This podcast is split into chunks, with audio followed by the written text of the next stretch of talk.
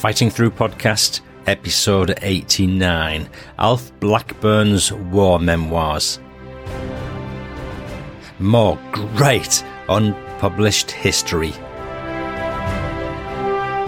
We only had air cover for about 50% of the time, and when we were without air cover, we were subjected to an increase in hostile enemy air attacks. As we approached Sortino, we could see a deep valley surrounded by rising hills. The Cheshires were already lined up along the high side of the valley, as this was to be the point from where we would begin our attack. We could now see their heads and shoulders above the mist, and my finger was taut on the trigger. Everyone was teed up ready for action, and there were only a few yards in it before they would have got the full firepower of the section down on them. Whenever we halted, as we did not know how close we were to the enemy, patrols went out to probe the land. On one of these, on 26th of June, Lance Corporal Miller went out with six men and was killed by a sniper poor lad, but we'd become so used to seeing sudden death that it did not play on our thoughts for long. We also lost good old Corporal Shaw around this time. Bill Cheall, Sicily, 1943. Who'd have thought that this random comment in Dad's book, with just a rank and surname, would some years later have opened up the details of a legacy of connections and memories that would lead to the publication of another book by a Green Howard. And that's what this episode is about. Tighten your Brodie helmets and bootlaces, chums. It's another Fighting Through classic.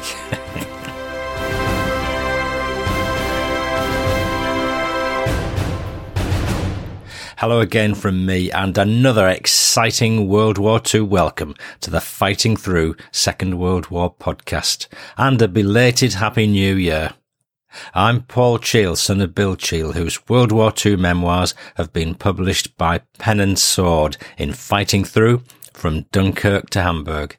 The aim of this podcast is to provide family stories, memoirs and interviews with veterans in all the countries and all the forces. I dare you to listen.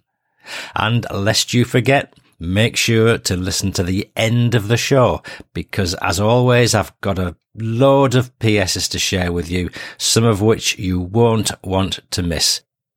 Today, I'm going to share some passages from a new British Army memoir by Corporal Alf Blackburn, majoring on the Sicily campaign of 1943. And there are some great action scenes, as you'll have noticed in the intros.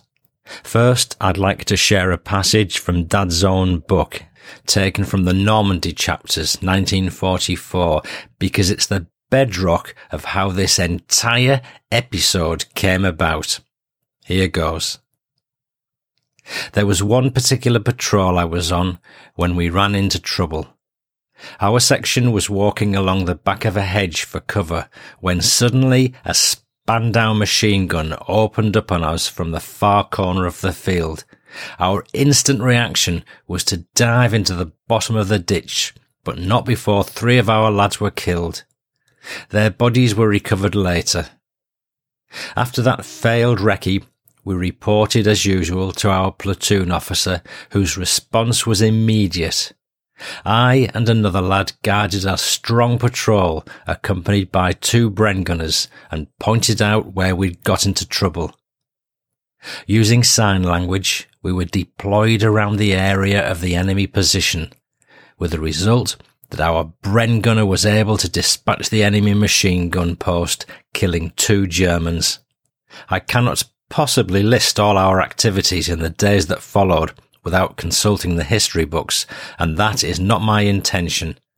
The period was full of activity, during which time we were never far from the sounds of war, much of which was the artillery of both sides.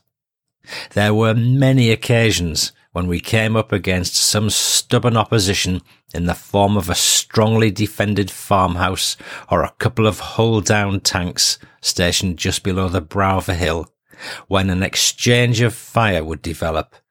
At that stage of the war, the eventual result was that the enemy would either be taken prisoner or liquidated if they tried to hold out against superior forces. Whenever we halted, as we did not know how close we were to the enemy, patrols went out to probe the land. On one of these, on 26th of June, Corporal Miller went out with six men and was killed by a sniper. Poor lad. But we'd become so used to seeing sudden death that it did not play on our thoughts for long. We also lost good old Corporal Shaw around this time. Many prisoners were taken, and some of them were Russians who were fighting for Germany rather than go back to Russia. Others were young fanatical Germans about 16 or 17 years of age. Of course, young bodies were lying around all over the place. What a waste. Bill Cheall, Normandy, France. So that was back in 1944, and I'll leave the mention of Corporal Shaw floating in your minds for now. Back in 2010, I posted Corporal Shaw's name on the website along with all the names mentioned in Dad's book. And this was just before I actually got Dad's book published in 2011. And can you believe that those 11 odd years ago, before I even started the podcast, a certain Michael Shaw wrote to me. He said, Rennie, Rennie Shaw was my uncle, my late father's brother. I've recently started researching my family tree and came across your website, which mentions my late uncle. Are you able to provide any information that may be of interest to me, please? Rennie was 23 years old at death. He was the son of Herbert and Winnie Shaw. He never married and had no children. He was one of eight children who have all now passed away. They were brought up near Skipton in North Yorkshire. Unfortunately, I have no photograph as yet. I'm still in the early stages of my research, but if I turn up anything interesting, I'll let you know. Regards, Michael Shaw, Bingley, West Yorkshire, circa 2010. And uh, he's given me the full details of his uncle, Corporal Rennie Shaw, 6th Battalion, the Green Howards, 454 7814 died 26th of June 1944. And there's a link to Rennie's grave in the show notes. When I heard this, I was so chuffed because it's always nice to hear from Dad's connections in his book, and they're always long shots, but I do believe in the power of the search engines to produce results over time. So he was a comrade briefly mentioned in Dad's memoir, posted upon my website like a piece of fishing bait, and up popped Michael Shaw to ask about it. I immediately replied to Michael with all I had on Rennie, but no photographs. And nothing more happened, really, until in 2022, 10 years later, Jim King wrote to me. Hi, Paul. I'm writing, I'm writing on behalf of my wife, Jan King, whose father, Alfred Blackburn, served in the Green Howards Regiment during World War II. He saw action in the desert, in the Middle East, Sicily, and D-Day. We've learnt of your book, Fighting Through from Dunkirk to Hamburg, from the Green Howards website, and today ordered a copy. Good man, Jim. During the 1970s, Alf Blackburn recorded his wartime memoirs onto a cassette tape recorder. Altogether, there are just over 10 hours of his memories and recollections, which cover the period from just before he was called up in 1941 until June 1944. And this is a good bit. They're all good bits, but we noticed on your website a reference to Rennie Shaw, who was mentioned in your dad's own war memoirs, and that you've been contacted by his nephew Michael Shaw. This is of great interest to us because we believe that Rennie was Alf's best friend during the war.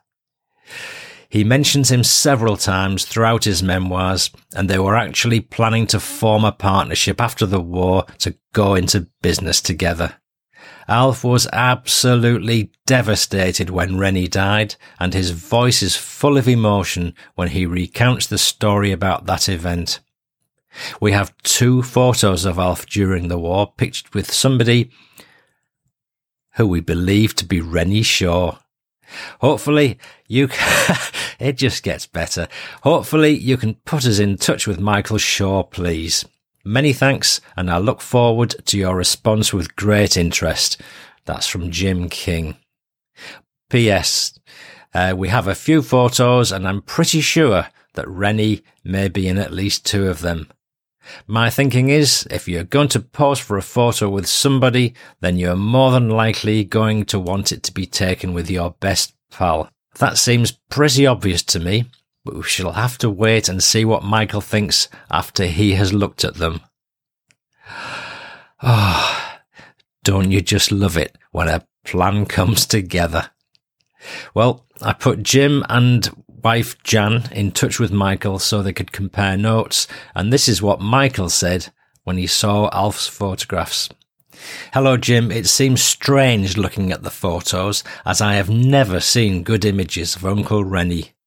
Speaking to my father and other family members, I'm 99% certain that Rennie is in the first two photos.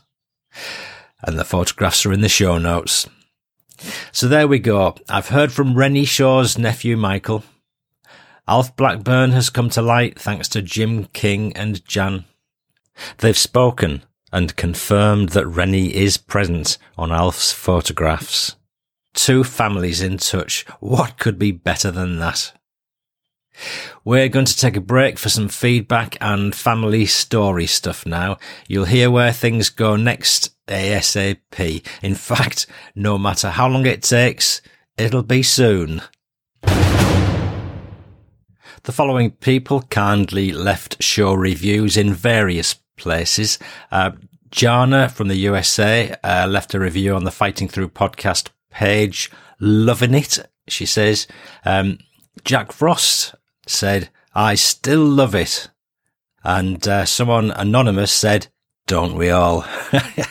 Jack Frost did add, uh, there's still loads of veterans around my area. I believe we have one of the biggest military cemeteries in South Dakota, where I overheard a veteran talking to a guy. I heard something like 20 suicide planes came at us and about half of them hit us. He was talking about the Japanese kamikazes, of course. Daryl Barile from North Carolina bought one of my last hard copies of Dad's book. Um, Darrell said that George Dallas Reniger was my grandfather and a World War II vet. He wouldn't say much about his experiences in the war, but occasionally he would reveal a little story or two. Listening to your podcast always puts me in mind of those times. One of his stories involved him and two others crossing a road in France. Halfway across, a German machine gun began firing on them, and they all dove into the shallow ditch on the far side of the road. There they lay, with the bullets going over inches above them. My grandfather realized that because of the terrain, the enemy gun couldn't hit them as long as they lay perfectly flat and still in the ditch. He yelled to his companions not to move, but during a lull in the firing, they attempted to cross back over the road and were hit. He never finished the story. I don't know how he managed to escape or how his companions fared. I guess the memory was just too vivid to dwell on. Here's to all the veterans who gave up so much for those of us who are alive today. May the memory of their sacrifices never fade from our minds. And here's to you, Paul, for bringing their stories to us. Best wishes, Darrell. Darrell, many thanks for that. Great little anecdote and quite sad. Um, Eric Lowe has bought me a coffee. Thank you very much, Eric. And uh, Martin Casson, who's a fairly new listener, uh, has sponsored me on Patreon. He's up to episode 28. Keep it up, Martin. You've got some great material to get through, and it makes me kind of jealous. Uh, Nancy Sarah Spencer also sponsored me on Patreon. Thank you, Nancy. Thank you, chaps and chapesses, all of you. Few uh, shout outs now. Um, this is for Jake, alias the Super Spartan 44, uh, who happens to be looking on YouTube. And a comment on episode 84, the Canadian Lance Corporal David Johnson. Um, Jake says, Good day, Paul. My name is Jake. Your podcast is a bedtime favourite of my son. We often read and reread my granddad's letters that he wrote home from his time serving with the Royal Canadian Regiment in Italy during the war. His name was Lance Corporal Robert Buckcat Dempsey. He served from the invasion in Sicily to the end of the war. Unfortunately, he passed away in 1949 due to malaria contracted in Italy. In his letters, he recollects the Battle of Ortona, and he said, We were at such close quarters that more often than not, the Germans would hold the kitchen and the Canadians would hold the pantry. Growing up with these stories influenced my joining the Canadian Armed Forces as an infantryman with the Royal Highland Fusiliers of Canada, which is a regiment with a lot of fascinating stories and history notably the story of Sergeant Augie Herschenratter. He was a German Canadian who won the Distinguished Conduct Medal for actions at the Battle of Buron, for which he was nominated for the VC. I had the honour of being this man's pallbearer. On March the 5th, 1945, he was awarded a Distinguished Conduct Medal by George VI at Buckingham Palace for his bravery following the D-Day landings. And this is the uh, citation. Sergeant Augie Herschenratter awoke at dawn on July the 8th, 1944, outside a French village occupied by entrenched German soldiers, many of them battle tested on the Eastern Front. Before nightfall, the village of Buron, about seven kilometres northwest of Caen in Normandy, would be known by the Canadians as Bloody Buron. The sergeant was a platoon leader with the Highland Light Infantry of Canada, and his assignment that day was to occupy an orchard on the outskirts of the village. To get there, he faced a minefield, and an anti-tank ditch defended by machine guns, as well as artillery and mortar shelling. The village had been fortified by members of the notorious 12th SS Panzer Division, responsible for slaughtering Canadian prisoners the previous month. The Germans had been told the Canadians would not be taking prisoners. They fought with ferocity to reach the German position, the Canadians needed to cross more than a kilometre of flat farmland, offering limited cover. We were taking a hail of fire from machine guns, mortars, and 88mm self-propelled guns, he told Owen Lackenbauer of the Waterloo Chronicle in 2008. A number of my guys were hit within the first few minutes. When we got to the anti-tank ditch, it was wider and deeper than we thought. The Germans were dug in and had to be cleared out using rifles and grenades or knives and bayonets in hand-to-hand fighting. The ditch was littered with dead from both sides. The sergeant reached the edge of the orchard where he took a moment to dress the leg wound of a corporal who was later killed in action. They'd overrun German defences and now needed to clear out an orchard for which more enemy were entrenched in dugouts next to a stone wall. The military historian Mark Zuehlke describes the desperate encounter in his 2011 book Breakout from Juno. Seeing a German in one dugout, he wrote about the sergeant, he was unable to get an angle for a rifle shot. After he threw in two grenades, both of which failed to explode, the German rested a potato masher stick grenade on the dugout's ledge. Herschenratter took a bead on the grenade, and when the man popped up to throw it, he shot him dead. The sergeant started the day with 28 men in his platoon. Only five were standing by the time the village was occupied. A company of 90 men had been reduced to one officer and 38 others, including the sergeant, who'd celebrate his 25th birthday the following month, if he lasted that long. Before the year was over, he saw further action in the Battle of the Falaise Pocket and the Battle of the Scheldt, the latter a soggy, bloody slog through Belgian and Dutch lowlands. He injured an arm and a hand in an accident aboard a Bren gun carrier. He returned home with a metal plate in his arm. At war's end, he returned home to pursue a hockey career. As though he'd not seen enough death, his first civilian job was as a repairman in a cemetery. When he returned home at the end of the war to pursue a hockey career, Augie Herschenratter turned professional and played for five different teams in two leagues. James, many thanks for all that. And uh, there's a link to the Globe article, the newspaper, in the show notes.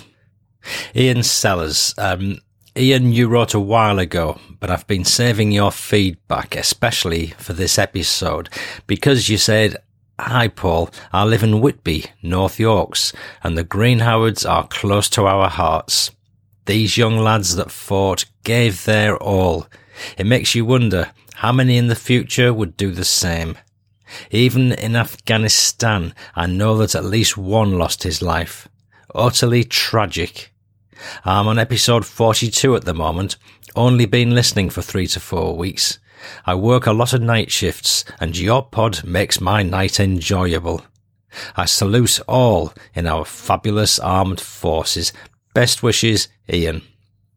Ian, thanks for that, and I'm so glad you stayed on board with the podcast. I know Whitby well and spent many a day there as a kid, including Scarborough, Redcar and Saltburn. But your staying aboard has reminded me of a puzzle I've had for ages. My first episode has had over 30,000 downloads, way more than the rest. But it bothers me that there's something about it that puts people off staying. Um, if anyone has any opinion as to why there's a good drop off after, in fact, the first two or three episodes, I'll be interested to hear from you. Um, it could be because episode one is so good that there's been a lot of repeat listens, or it could be because the nature of the show was not what people wanted. Um, I've just been re listening to some of them, and I, I, do wonder if there's a bit too much blood, guts, and gore in them. But uh, if anyone has any ideas, um, I'll leave the thought with you. And as usual, contact me through the contact button on the website. Talking about uh, seaside towns like Scarborough, Redcar, etc., the nearest one to where I live now is Great Yarmouth, and um, the authorities have just discovered uh, an unexploded Second World War bomb just around the harbour. And uh, it's caused uh, the the necessity for a great number of, evacu- of evacuations. They've been building a multi-ton brick wall around the outside of the bomb, um, and they're working on dismantling it or exploding it or something. Um, but it's massive. And uh, it's funny that all the thoughts of Brian Moss, um, whose exploits we've heard of so many times, disarming bombs during the Second World War. So it really brings it home to you what's going on at the moment. Um, there's a link to the newspaper article in the show notes. A bit of feedback now from Wolfie Wolf about the Christmas episode. And uh, Wolfie says, what really great Christmas stories. Real tearjerkers. They made me think of my childhood with my grandparents and father. Grandpa was a veteran of World War One and my father was in World War Two. All I remember is Grandpa saying that he spent Christmas in France and my father saying how he spent it with an English family. I just remember him saying he brought them cans of fruit salad and how happy they were, which was something I never understood because I didn't like fruit salad. Thanks, Wolfie. A bit of careful, considered feedback from Derek Whittle here. I'm, I'm picturing Derek sitting by the fire with his feet up on the mantelpiece when he says this. Claude Reynolds. He was a legend. An absolute legend. Turned up, did his time, out the other side. No fuss. Absolutely right, Derek. Uh, loads of episodes on Lancaster veteran Claude Reynolds. Check him out. Um, Hi, Paul. I've been listening to your podcast for a couple of years now. I'm a snowplow operator in Ontario, Canada, and your stories make the long, cold nights a lot more enjoyable. Excited for future episodes. Cheers. And that's from Josh Sauve. Thanks, Josh. And with the cold weather we're currently enjoying in Europe, you've just put me in the mood for snuggling up on the city and listening to my back catalogue one night. Oh, Gabriel Cervantes. Hello, Paul. I was curious as to how the British government notified families of soldiers, sailors, airmen that were missing, wounded, or killed during the war. Here, as you probably know, it was via telegram. That's in America. I hope all is well over there and that you're not stressing out over my Christmas present. Really, any colour Bentley is just fine. Your, your amigo Gabriel. Gabrielle continues, I asked because I wanted to share this letter. Hopefully it's something you can use on your pod. The second sentence in the letter says a lot. It's from my uncle Jesse, written to my mother in February 44. He served stateside for the war. And this is the letter. February the 11th, 44. 12th Ferrying Detachment, Adams Field, Little Rock, Arkansas.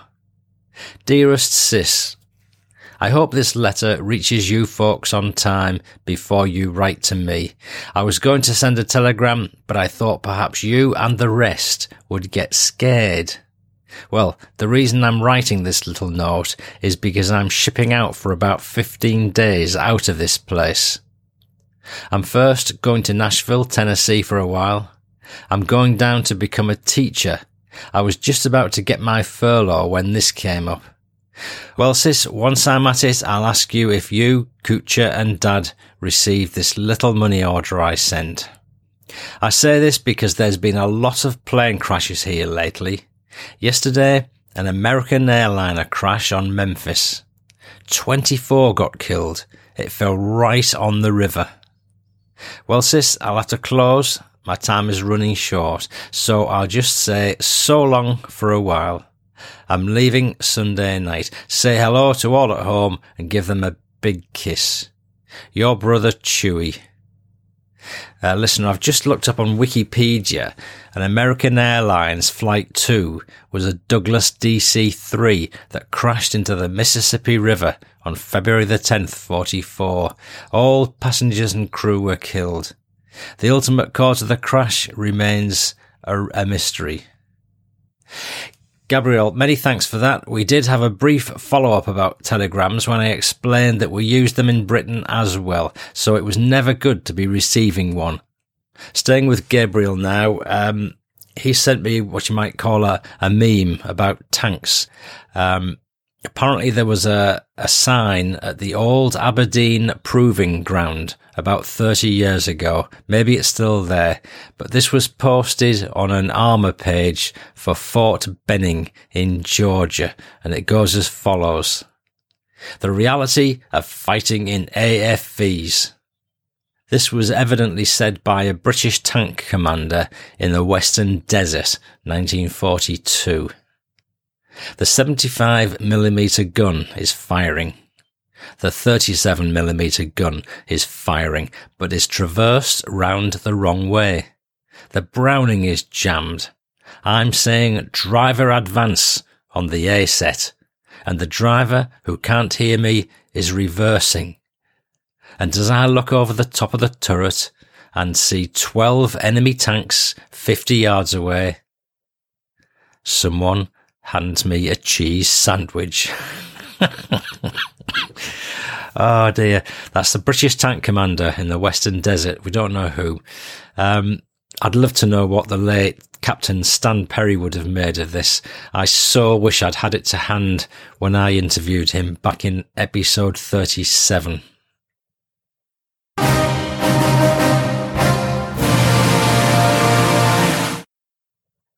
And now for the main event. Um, after me posting up Rennie Shaw's name on the website and Michael Shaw getting in touch, and, and then 11 years later, Jim Blackburn writing to me, and those two guys coming up with photographs of Alf and Rennie, best army pals together. How good is that, you might say? Well, brilliant, I say but not quite as good as Jim announcing that his wife Jan has only gone and written her dad Alf's memoirs. And not just that, but since our earlier correspondence, she's grabbed the Bren gun by the bullets and got their memoirs published. Some more information on that later. Um, before I share Alf's story, here's what uh, daughter Jan says about it. This is the story of an ordinary soldier's experiences serving with the Green Howards during World War II. Alf Blackburn was my father. As was the case with the majority of men of his generation, he never spoke about his wartime exploits. However, during the late 1960s, he did recount his experiences orally and recorded them onto cassette tapes. He described his initial training and then his active service fighting in the North African Desert Campaign, Sicily, and finally Normandy, where he was blown up by a mortar bomb. He explained what life was like, the places he visited, and the hardships endured, without going into too much graphic detail about the horrors he must have witnessed. His genuinely modest account, which is funny at times, gives an incredible insight into his war and paints a vivid description of his adventures. Many thousands like him never came home. I've tried to faithfully transcribe his words into this book. Jan King, Nee Blackburn, July 2022. Well, if I just skip through the uh, table of contents for the book, um, it starts off with uh, Alf's war beginning in the building trade. He starts off with the Worcester Regiment, but ends up joining the Green Howards, where he belongs. And um, he joins them to train in the desert. He talks about life in the desert, the Battle of Mareth, the Battle of Wadi Akarit in North Africa, Tunisia, uh, his return to Alexandria, preparation for Sicily, landing on Sicily, and so on. And I'm going to pick up Alf's story just after Alf and his comrades have finished the brutal battle of Wadi Akarit in Tunisia, North Africa. And this uh, section is headed Return to Alexandria. As it turned out, this was the end of the line for us. The rest of the divisions had pushed the enemy to the sea and mopped up. We were instructed to gather up our things because we were heading back along the long road to Alexandria for some well earned leave. We boarded the transport, but this time we were driving back through all the places with which we'd become so familiar. Sousse, Sfax, Gabes, Tripoli, and on to Benghazi up the Tokra Pass, through the Derna Pass, Tobruk, Sidi Barrani, Mersa Matruh, El Alamein, and Bob's your uncle right back to square one. We thought we were going to get three weeks leave, but it turned out to be just three days. I suppose that when a whole army needed leave, logistically three days was all that could be afforded. When we arrived at base camp, Although we were bedded down under canvas, there was tremendous excitement at the fact there was a tap with running water. The tap was turned on and we were larking about like school children. After the hardships of the desert, running water was a truly marvellous sight to behold. We enjoyed fresh fruit, and I realised how to fully appreciate the simple joys in life. Before beginning our leave, every man in the division had to give a pint of blood. Rennie and I went together. He was in and out really quickly, and then it was my turn. My blood didn't flow quite so readily, and they only managed to take half a pint before I was made to rest before giving the second half. I was surprised at how difficult it was to obtain a pint of blood from me. Rightly or wrongly, I believed it was evidence of how much of a toll my time in the desert had taken on my body. We enjoyed our leave in Alex, and then moved on to Suez to commence training for the operations which were to come in the days and weeks ahead. That was the end of my desert campaign, and as I said earlier, Wadi Akarit always remains uppermost in my mind. I lost many friends there, in particular Billy Fallows. One always associated battles with the particular friendships formed, and so I look back on the desert campaign with great sadness.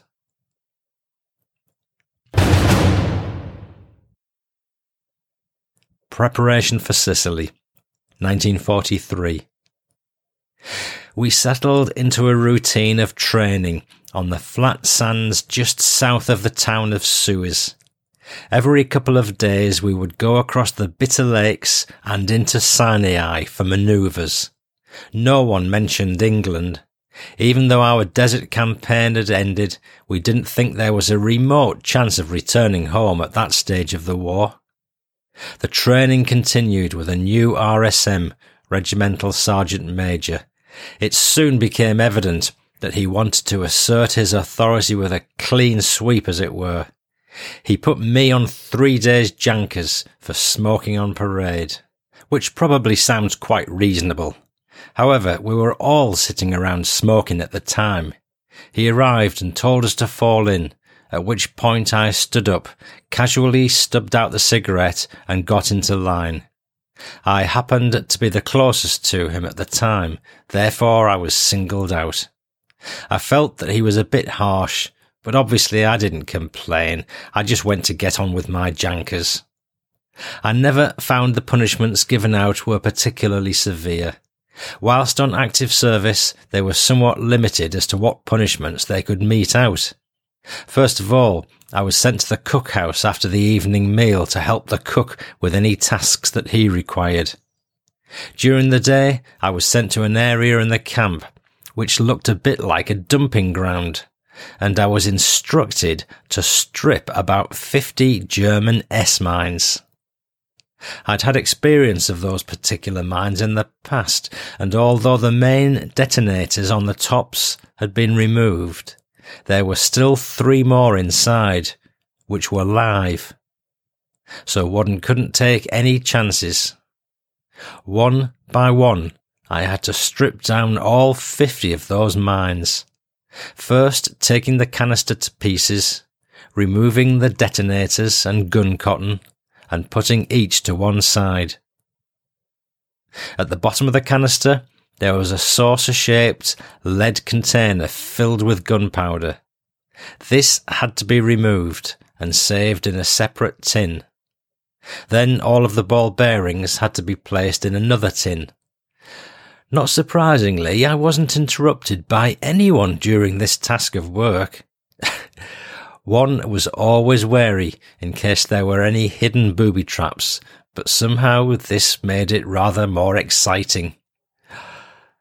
On the whole, it was a useful exercise, and at the end of it, there was nothing I didn't know about those S mines. Certainly, as a learning experience, it was considerably better than reading an instruction manual. The knowledge I gained regarding those mines stayed with me. In fact, to this day, I still believe I would be proficient in dismantling one. There were many things to do after a tour of active duty. Apart from our training, we had to stock up on any stores we needed for the next mission. We had medical checks, more inoculations, and dental treatments such as fillings or extractions. Any kit that needed replacing was also done. I was given a new pair of boots, which absolutely crippled me. Getting the correct fitting boots did not seem to be a priority. It wasn't long before those boots became even more of a problem than I'd at first anticipated. The training came to an end, and what seemed to me like the whole of the British Army embarked upon a Royal Navy ship. We sailed off into the Med, enjoying the beautiful blue sky and life on the ocean wave, still speculating as to our destination. Although the Allies had already attempted an abortive attempt at Greece, we still felt it was one of the possibilities. However, this was not to be the case. After a couple of days at sea, the captain's voice came over the intercom to announce that our destination was the island of Sicily, situated at the toe of Italy. Sicily is a triangular shaped island, only separated from the mainland by a small strip of water. While aboard ship, I was still suffering incredibly due to my ill fitting boots. I was having so much trouble that I had to report sick and pay a visit to the ship's doctor. It was my first encounter with a Royal Navy doctor, and I wasn't too optimistic that he'd know that much about feet. However, something had to be done, as I knew that I couldn't go on as they were. I'd tried everything possible to make them more comfortable. It was beginning to worry me because once we'd arrived at our destination, I knew I'd be on my feet 24 hours a day. I thought perhaps I'd be issued with some new boots. However, after the MO had spoken to me and checked my feet, his solution was for me to run around barefoot for the remainder of the voyage. Having my doubts regarding the effectiveness of this treatment, I began to wonder if I'd be allowed to disembark. I didn't dwell on that idea for too long, thinking that even if my feet had been chopped off, the, the army would still have found some way of getting me ashore. The night before we were due to land, I revisited the MO for a checkup. He asked me how my feet were, and I told him they felt fine. Put your boots back on, and with a bit of luck, you won't have any more bother, he said. To my surprise, that proved to be exactly the case, and for some reason that memory has always stayed with me. Reverting to nature is perhaps the best treatment for anyone with serious problems with their feet. And there can be no one more prone to problems with their feet than British infantrymen on active service. Landing on Sicily. Our journey soon ended, and we landed at Avola on the southeast coast of Sicily. From the ship, we were taken ashore on barges, and somewhat surprisingly encountered no opposition whatsoever. Therefore, we suffered no casualties as we landed. After landing, we immediately began climbing up into the hills. Sicily is a very mountainous island with a narrow rocky beach and a few coves. There was a road running around the coast with towns and villages dotted along the way. The hills were covered with a variety of vegetation.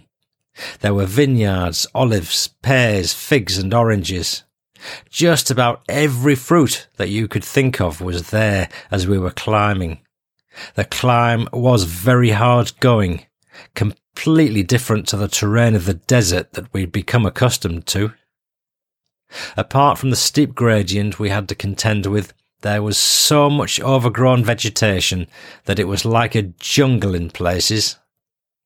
After a hard morning slog, we finally reached the top of the hill and were able to look back over the blue sea of the Mediterranean. It was an incredible sight. The sky and sea were beautiful shades of blue. The sea was absolutely full of our boats, the destroyers, cruisers, and landing craft, with the MTBs motor torpedo boats weaving in and out. Far on the horizon were our two heavy battleships banging away, probably firing their shells over Mount Etna. In the centre of it all, there was a beautiful white hospital ship bearing a large red cross. It stood out like a jewel in the water. Periodically, our support aircraft were coming in across the sea, zooming over the top of our heads to attack the enemy's airstrips. The air cover provided was effective when available, but as they had to fly in from the mainland of Africa, there was a period of time during this turnaround when we had no cover at all.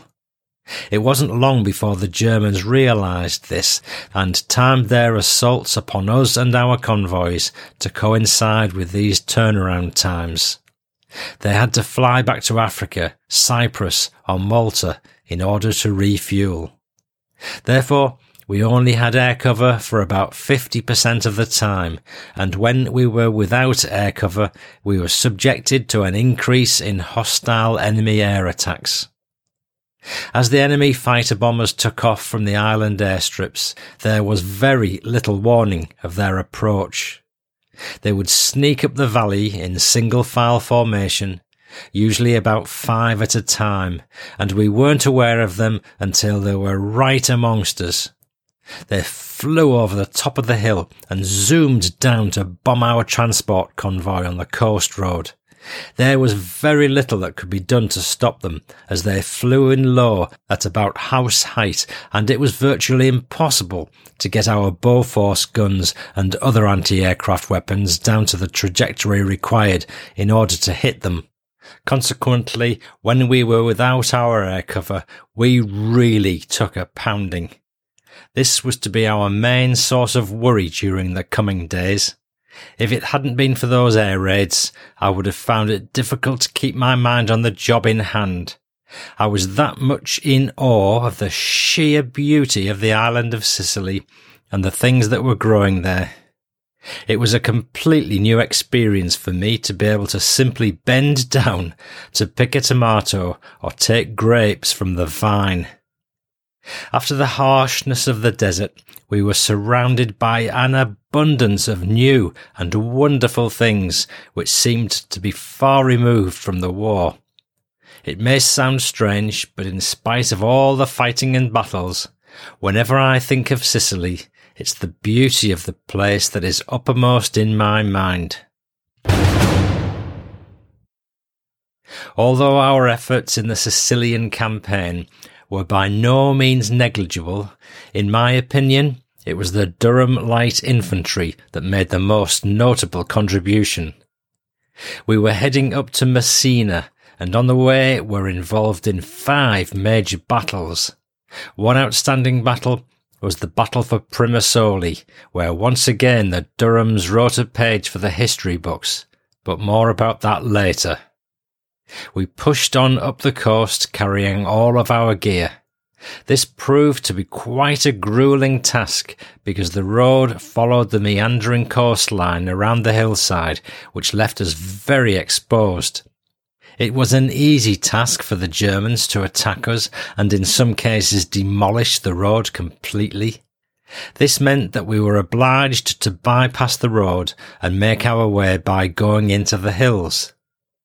Transporting our heavy equipment was therefore made even more arduous than it already was. Occasionally, we had the use of mules to assist us, but most of the time we only had ourselves, the two-legged mules, to rely upon. It was extremely hard, strenuous work from morning to night. In fact, it was just a continuous slog, slog, slog. At this time, I was number one on the light machine gun, and Rennie Shaw was our number two. There'd been some changes to our platoon, and Docherty, our RSM, and all soldiers that had reached a certain age were repatriated back to England. We now had a corporal by the name of Noland, a bad tempered and surly man from Middlesbrough. He was new to us, coming from another platoon, and it was very hard to get along with. No one seemed to like him. I wondered if he'd been transferred because of unrest and bad feeling in his previous platoon. We had a new sergeant, Errington, who was a really nice fellow. I thought he was a bit of a toff, and he always showed great concern for the welfare and morale of those serving with him. Our platoon officer, Ted Burton, was a nice chap, easy to get on with, and always ready for a chat when the opportunity arose. However, to be fair, he was a little bit vain and thought that he was the best looking officer in the British Army. He was, I suppose, quite a good looking man, but no one was impressed with looks, good or otherwise, at that stage of the game. One of his jobs was to censor all of our mail, and this could be a little bit off putting, as he delighted in commenting on what we'd written. As a consequence, we were somewhat guarded when writing our letters, concerned that they would be read out loud for the whole section to hear. No one took offence at this. It was all part of the normal banter and camaraderie experienced when part of a close unit. And as I said, he was very well liked. Occasional light-heartedness was needed in active service to relieve some of the pressures we had to contend with. We had lost so many officers in the desert campaign that I teased our platoon officer, telling him that he wouldn't last five minutes. Not a very reassuring thing to say, but that was the type of banter that went on. It was only Noland that didn't join in with the light-hearted banter, as he always seemed to be in a bad mood. He didn't bother Rennie or me because soon after his arrival we had a showdown with him, making it plain that shouting abuse was not going to gain respect from us or get the best out of the men. We continued to push on, and at times I found the hard physical exercise satisfying, but after so many miles we were all exhausted. I was carrying the light machine gun and Rennie had the magazines, with sweat running off us as we slogged up the hillside, which was about a one in four gradient. I offered to help Rennie with the magazines, as they were a terrific weight, but he was happy to carry on. I thought Rennie had the worst job, as although the gun was heavy, it was easier to manoeuvre into a more comfortable position to carry. We were heading for Sortino in the province of Syracuse, where we were to mount an attack. As we approached Sortino, we could see a deep valley surrounded by rising hills. The Cheshires were already lined up along the high side of the valley, as this was to be the point from where we would begin our attack.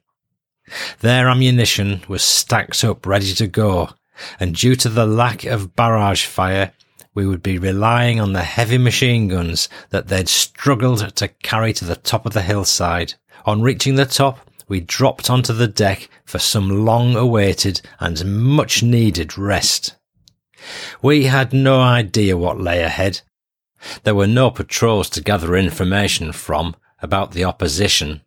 We had to advance into the unknown, underneath the heavy machine gun fire.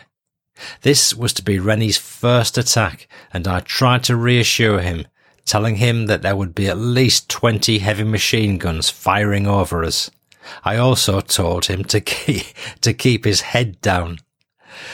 The order was given to stand to, and the decision was made to keep the Bren guns in our section all together, which I must admit I found to be a little foolish, as being grouped together meant that if one got hit, then so would the rest, and bang would go all of our firepower. But of course, we had to follow the order to the letter. Along with Rennie, Ted Burton, and myself, there was another young chap in our section, a staunch Welshman who went by the name of Toby. He was a lance corporal, and on his arm there was a large snake and a dagger, with the words death before dishonour. This amused me immensely, and I used to tease him about it, although I knew that it was all to do with his Welsh pride. He was a likeable chap and very easy to get on with. We stood in darkness at the ready, preparing to advance down the valley under the fire of our heavy machine guns. I said to Rennie, don't panic because in a minute these guns will go off and all hell will break loose. The noise will be terrific, but don't worry, they're our own guns. Ted Burton had never experienced it, and neither had Rennie. I knew how scary it would sound for them, and so I was quite prepared for what happened next. I was listening to the sergeant in charge of the guns because as soon as he gave the order, they would all open up together. The order was given, and the guns began to fire. Unless you've experienced it, the noise of about 20 Vickers machine guns going off over your head is hard to imagine and almost impossible to describe. Ted Burton hit the deck and Rennie was about to follow until I grabbed him by the arm saying, I told you what would happen. Ted was lying face down and I was str- I was struggling to speak with laughter. What are you doing down there? I said, rather sheepishly, as he was an officer. Ted Burton rose to his feet. Phew, that frightened the life out of me, he said. Still laughing, I said, We haven't started fighting yet. Those are our guns. Oh dear. I was enjoying myself by teasing them, but quickly we had to get back to the job in hand that we were there for. After about 10 or 15 minutes of solid fire, we were given the order to advance. Keeping below the level of bullets from our machine guns was not difficult to do because the slope into the valley was quite steep, and as the guns had such a terrific range, we were initially in no danger of being hit. The guns continued to pour lead into the German positions as we made our way down the steep, grassy slope. Slowly at first, then the pace quickened a little, and then increasing to a trot, before finally we were running like the clappers. And don't forget, all of this was undertaken in total darkness. As I said, our three guns were together, Toby and I were side by side with Rennie at the rear. Toby started to speed up down the slope, shouting in Welsh as he went, working himself up into a right frenzy with shouting that sounded to me like some ancient Welsh battle cries. We eventually reached our position, and as far as I could see, there was nothing to shoot at. We were ordered to dig in and settle down until morning. At first light, we looked around, but there was nothing to be seen except for one dead German lying in the grass a few hundred yards away. Word arrived that our commanding officer had been shot in the leg, and that, along with the dead German, was the only casualty of that particular battle. No one knew who had shot either, but I could state with complete confidence that I was not responsible for shooting the CO, as I'd not fired my gun at all. Toby was amazed that I'd been through all of that without firing, and was still in possession of a full magazine. At the end of every battle, we had to strip down our weapons and clean them ready for inspection, but, uh, but, but as mine had not been fired, I was spared that particular chore, much to the annoyance of Toby. On that occasion, I couldn't see anything to shoot at and didn't see the point of firing at nothing. I restarted my gentle teasing of Toby, mentioning his battle cries, but he never did tell me what he was actually shouting. That was our first battle on the island of Sicily, and when it was over, we moved into the orange groves and dug in. Every time we passed through a village or township, the people greeted us with bottles of wine and garlands of flowers. The women and children would pass me by because of the gun, and then mobbed the rest of the section, showering them with the flowers, wine and kisses. It was only the old men of the village that showed no fear of the gun. I did on occasion try to get someone else to carry the gun, but no one would oblige. So I was stuck with it and not too happy about it. I was, I was getting a bit sick of kissing old men, and it would have made a pleasant change to have experienced something more to my taste.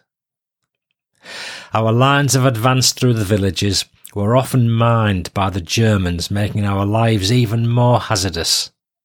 As we approached one village, we saw one villager's chair outside his cottage. On looking closer, we could see that he had placed his chair directly over one of the German mines. Then we saw the rest of the street. All the villagers had marked the position of every mine so that we could safely pass. I found this very touching and gratifying to know that the Sicilian people had confidence in us.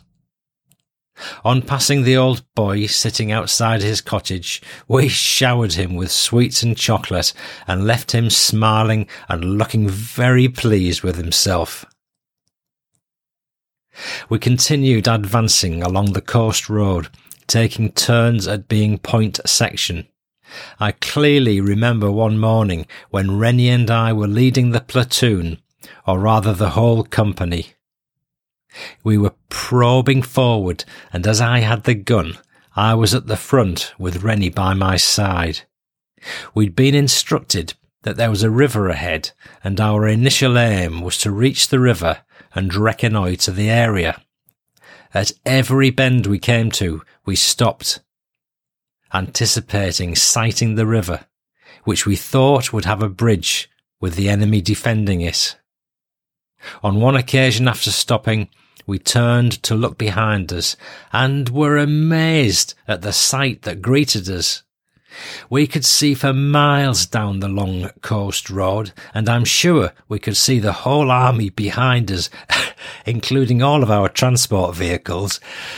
It, su- it suddenly dawned on us the power that we had over our own oncoming troops, because every time we stopped, then of course everyone else had to stop as well. Therefore, we decided to stop every now and again, even when it was unnecessary, just for a bit of fun.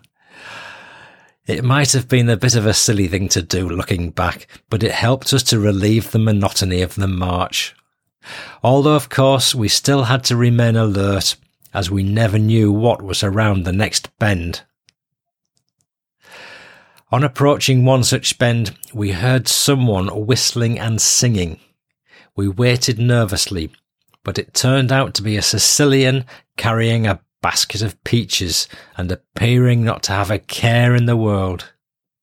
We were obliged to stop and search him, during which time he was chatting away constantly but of course we couldn't understand a word that he said. We tried to get some information from him, asking about Tedeschi, which was their word for the Germans. Tedeschi finite was all we could understand. As far as he was concerned, the war was over. It did occur to me that he was of an age that one would expect him to be in the armed forces. I wondered if he'd deserted because it was well known that the Italian soldiers were becoming more and more demoralized, and many were surrendering where and whenever they could. After searching his basket, we allowed him to continue on his way, but first he gave Rennie and me two of his peaches. They were delicious, and I'm sure he didn't get far down the line before his basket became empty. It was heartening to hear from that young Sicilian that the Germans were nowhere in the near vicinity. So as we approached the next bend, we were feeling slightly more relaxed. On the other side of the bend, we found the river we had been looking for, but it turned out to be a dry riverbed, a common occurrence in the area. We crossed over the riverbed and proceeded up the coast road with our transport following along behind. We moved up the hillside and dug in among what looked like lava rocks. They were very rough and black, and I thought they were probably volcanic, bearing in mind that we were not too far away from Etna. As we seemed to have a quiet moment, Rennie and I decided to tidy ourselves up by having a quick wash and a shave. Down the road in the valley, our transport was also pulling in for the night, along with the light machine gun carriers that accompanied us on minor sorties. Rennie and I were halfway through our shave when suddenly, over the top of the hill, down came the Messerschmitts and the fighter bombers, some of which had already discarded their bombs so they would strafe us with cannon fire. They flew down in single file, strafing along the middle of the road, knocking hell out of our transport and shooting up the carriers. Rennie and I were in a good position to observe all of this. However, things quickly took a turn for the worse when over the hill appeared a fifth plane, and this was carrying a massive bomb. It looked massive to us because it was flying so low and appeared to be just over our heads. As he zoomed down towards the convoy, this huge bomb was detached.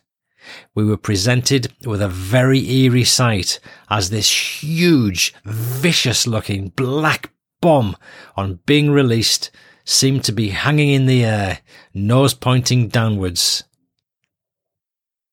It appeared to be aimed directly between our eyes. And that takes us to the end of part one of Alf Blackburn's war memoirs. Join me soon for part two.